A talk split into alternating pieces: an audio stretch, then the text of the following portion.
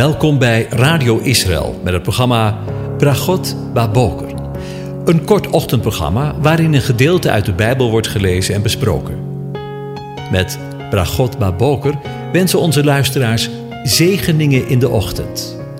Presentator is Kees van de Vlist. Goedemorgen, Bokatov, beste luisteraars. Ook vanmorgen denken we weer verder na over Psalm 135 en we lezen de eerste zeven versen. Loof de naam van de Heere. Loof hem, dienaren van de Heere, u die staat in het huis van de Heere, in de voorhoven van het huis van onze God. Loof de Heere, want de Heere is goed. Zing psalmen voor zijn naam, want die is lieflijk. Want de Heere heeft zich Jacob verkoren, Israël als zijn persoonlijk eigendom.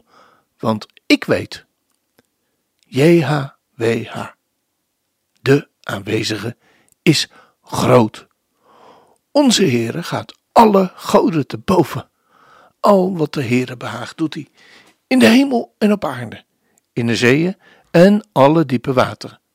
Hij doet dampen opstijgen aan het einde van de aarde. Hij maakt de bliksem flitsen bij de regen. Hij brengt de wind uit zijn schatkamers naar buiten. Tot zover. Over Gods grootheid gesproken. In de volgaande aflevering hebben we iets mogen zien van Gods grootheid en macht naar aanleiding van vers 6. Het hele universum is door Hem geschapen en daarom aan JHWH, de aanwezige, de Heere, onderworpen. Het gaat hier niet in de eerste plaats om de Heere als schepper, maar om zijn macht ten opzichte van de schepping. Het gaat om Gods eeuwige kracht en goddelijkheid, die uit zijn werken worden gekend en doorzien, zoals we lezen in Romeinen 1, vers 20. Het kennen van zijn eeuwige kracht en goddelijkheid moet ons ertoe brengen Hem als God te verheerlijken en te danken, zegt Romeinen 1, vers 21. En dat doet de psalmist hier. Zijn macht blijkt uit het doen opstijgen van dampen, lezen we in vers 7. Wij spreken over het verdampen van water, maar de psalmist leert ons hier de les dat God het doet. En de Kanaanlieten geloven dat Baal dit bewerkt. In de toekomst zal de mens geloven dat het beest alles kan. En velen denken dat nu in de tijd waarin wij leven al. Openbaringen 13 vers 4 zegt, en zij aanbaden de draak, omdat hij aan het beest macht gegeven had. En zij aanbaden het beest en zeiden, wie is aan dit beest gelijk? En wie kan er oorlog voeren? Maar wanneer we ons vertrouwen op de Heere, JHWH stellen, vertrouwen we op Hem, op Jezus, op Yeshua. We lezen in Matthäus hoofdstuk 28, vers 18. En de elf discipelen zijn naar Galilea gegaan, naar de berg waar Jezus hen ontboden had. En toen ze hem zagen, aanbaden ze hem. Maar sommigen twijfelden. En Jezus kwam naar hen toe en sprak met hen en zei: Mij is gegeven alle macht in hemel en op aarde. De elf discipelen, toen zij hem zagen, aanbaden hem. Gisteren haalde ik aan dat er in de media en in christelijk Nederland in toenemende mate gepredikt en geloofd wordt dat Jezus, dat Yeshua geen God is. Maar dat niet alleen. Jezus hoeft en mag niet aanbeden worden meer. denk ik dan.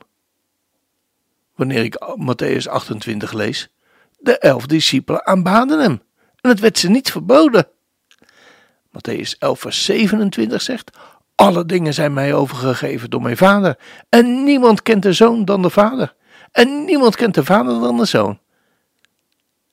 En hij, aan wie de zoon het wil openbaren. En in Lucas 10 vers 22.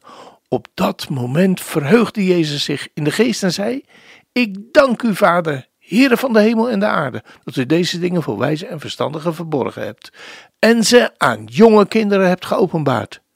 Ja, Vader, want zo was het uw welbehagen. Alle dingen zijn mij overgegeven door mijn vader. En niemand weet wie de zoon is dan de vader. En wie de vader is dan de zoon.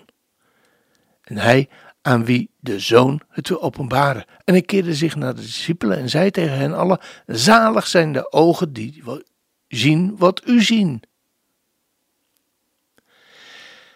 En in Johannes 3, vers 35 en 36: De Vader heeft de zoon lief en alle dingen in zijn hand gegeven. Wie in de zoon gelooft, heeft eeuwig leven. Maar wie de zoon ongehoorzaam is, zal het leven niet zien. Maar de toren Gods blijft op hem. En in Efeze 1 lezen we over de Messias als het hoofd van de gemeente.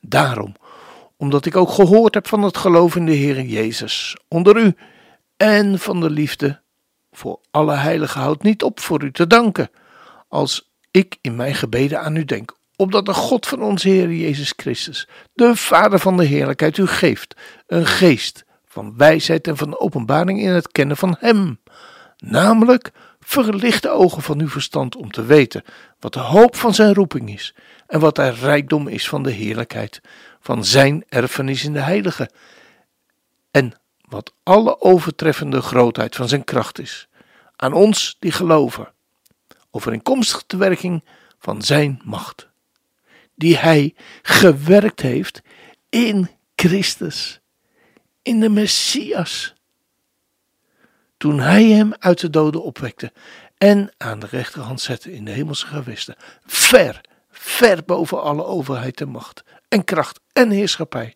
en elke naam die genaamd wordt.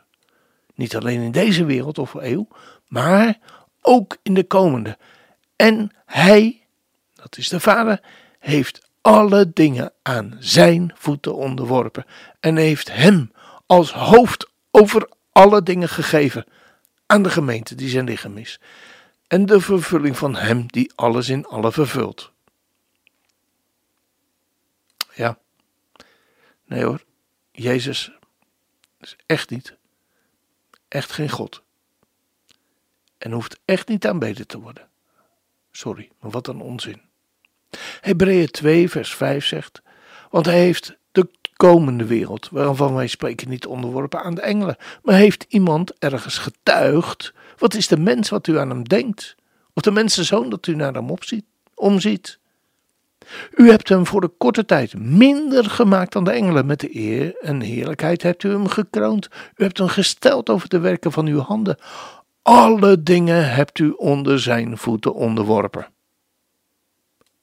Want bij het onderwerpen van alle dingen aan hem heeft hij niets uitgezonderd wat niet onderworpen is. Zo zien we echter nog niet hem alle dingen onderworpen zijn. Maar wij zien Jezus met heerlijkheid en eer gekroond, die voor korte tijd minder dan de engelen geworden was vanwege het lijden van de dood. Opdat hij door de genade van God voor alle de dood zou proeven. De psalmist spreekt niet als natuurkundige, maar als een gelovige die weet dat alles wat op aarde gebeurt van God komt en door Hem wordt bewerkt. Zo spreken wij ook over het bliksem en het waait. Terwijl we hier lezen dat God de bliksemflitsen bij de regen maakt en de wind uit zijn schatkamers naar buiten brengt. Hij is inderdaad onvergelijkbaar groot. En als dat geen zegen is. Ja, dit neemt me echt terug naar toen ik een jaar of 12, 13 was. Jezus.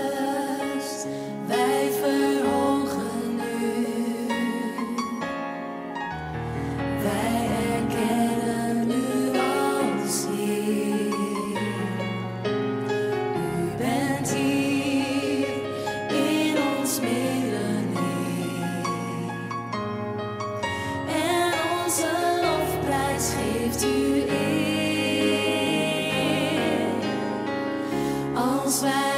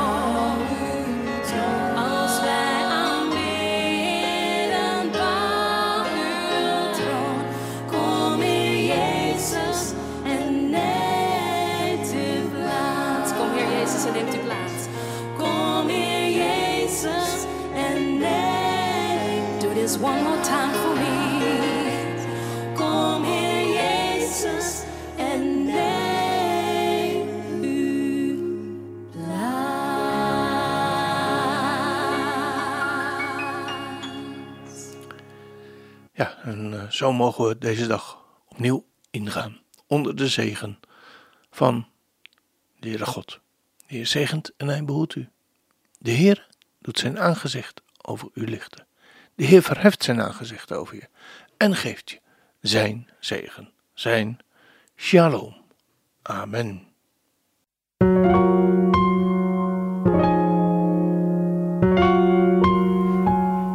U hebt geluisterd naar het programma Bragot Baboker. Een kort ochtendprogramma waarin een gedeelte uit de Bijbel wordt gelezen en besproken. Wilt u het programma nog eens naluisteren, dan kan dat. Ga naar radioisrael.nl en klik onder het kopje radio op Uitzending gemist.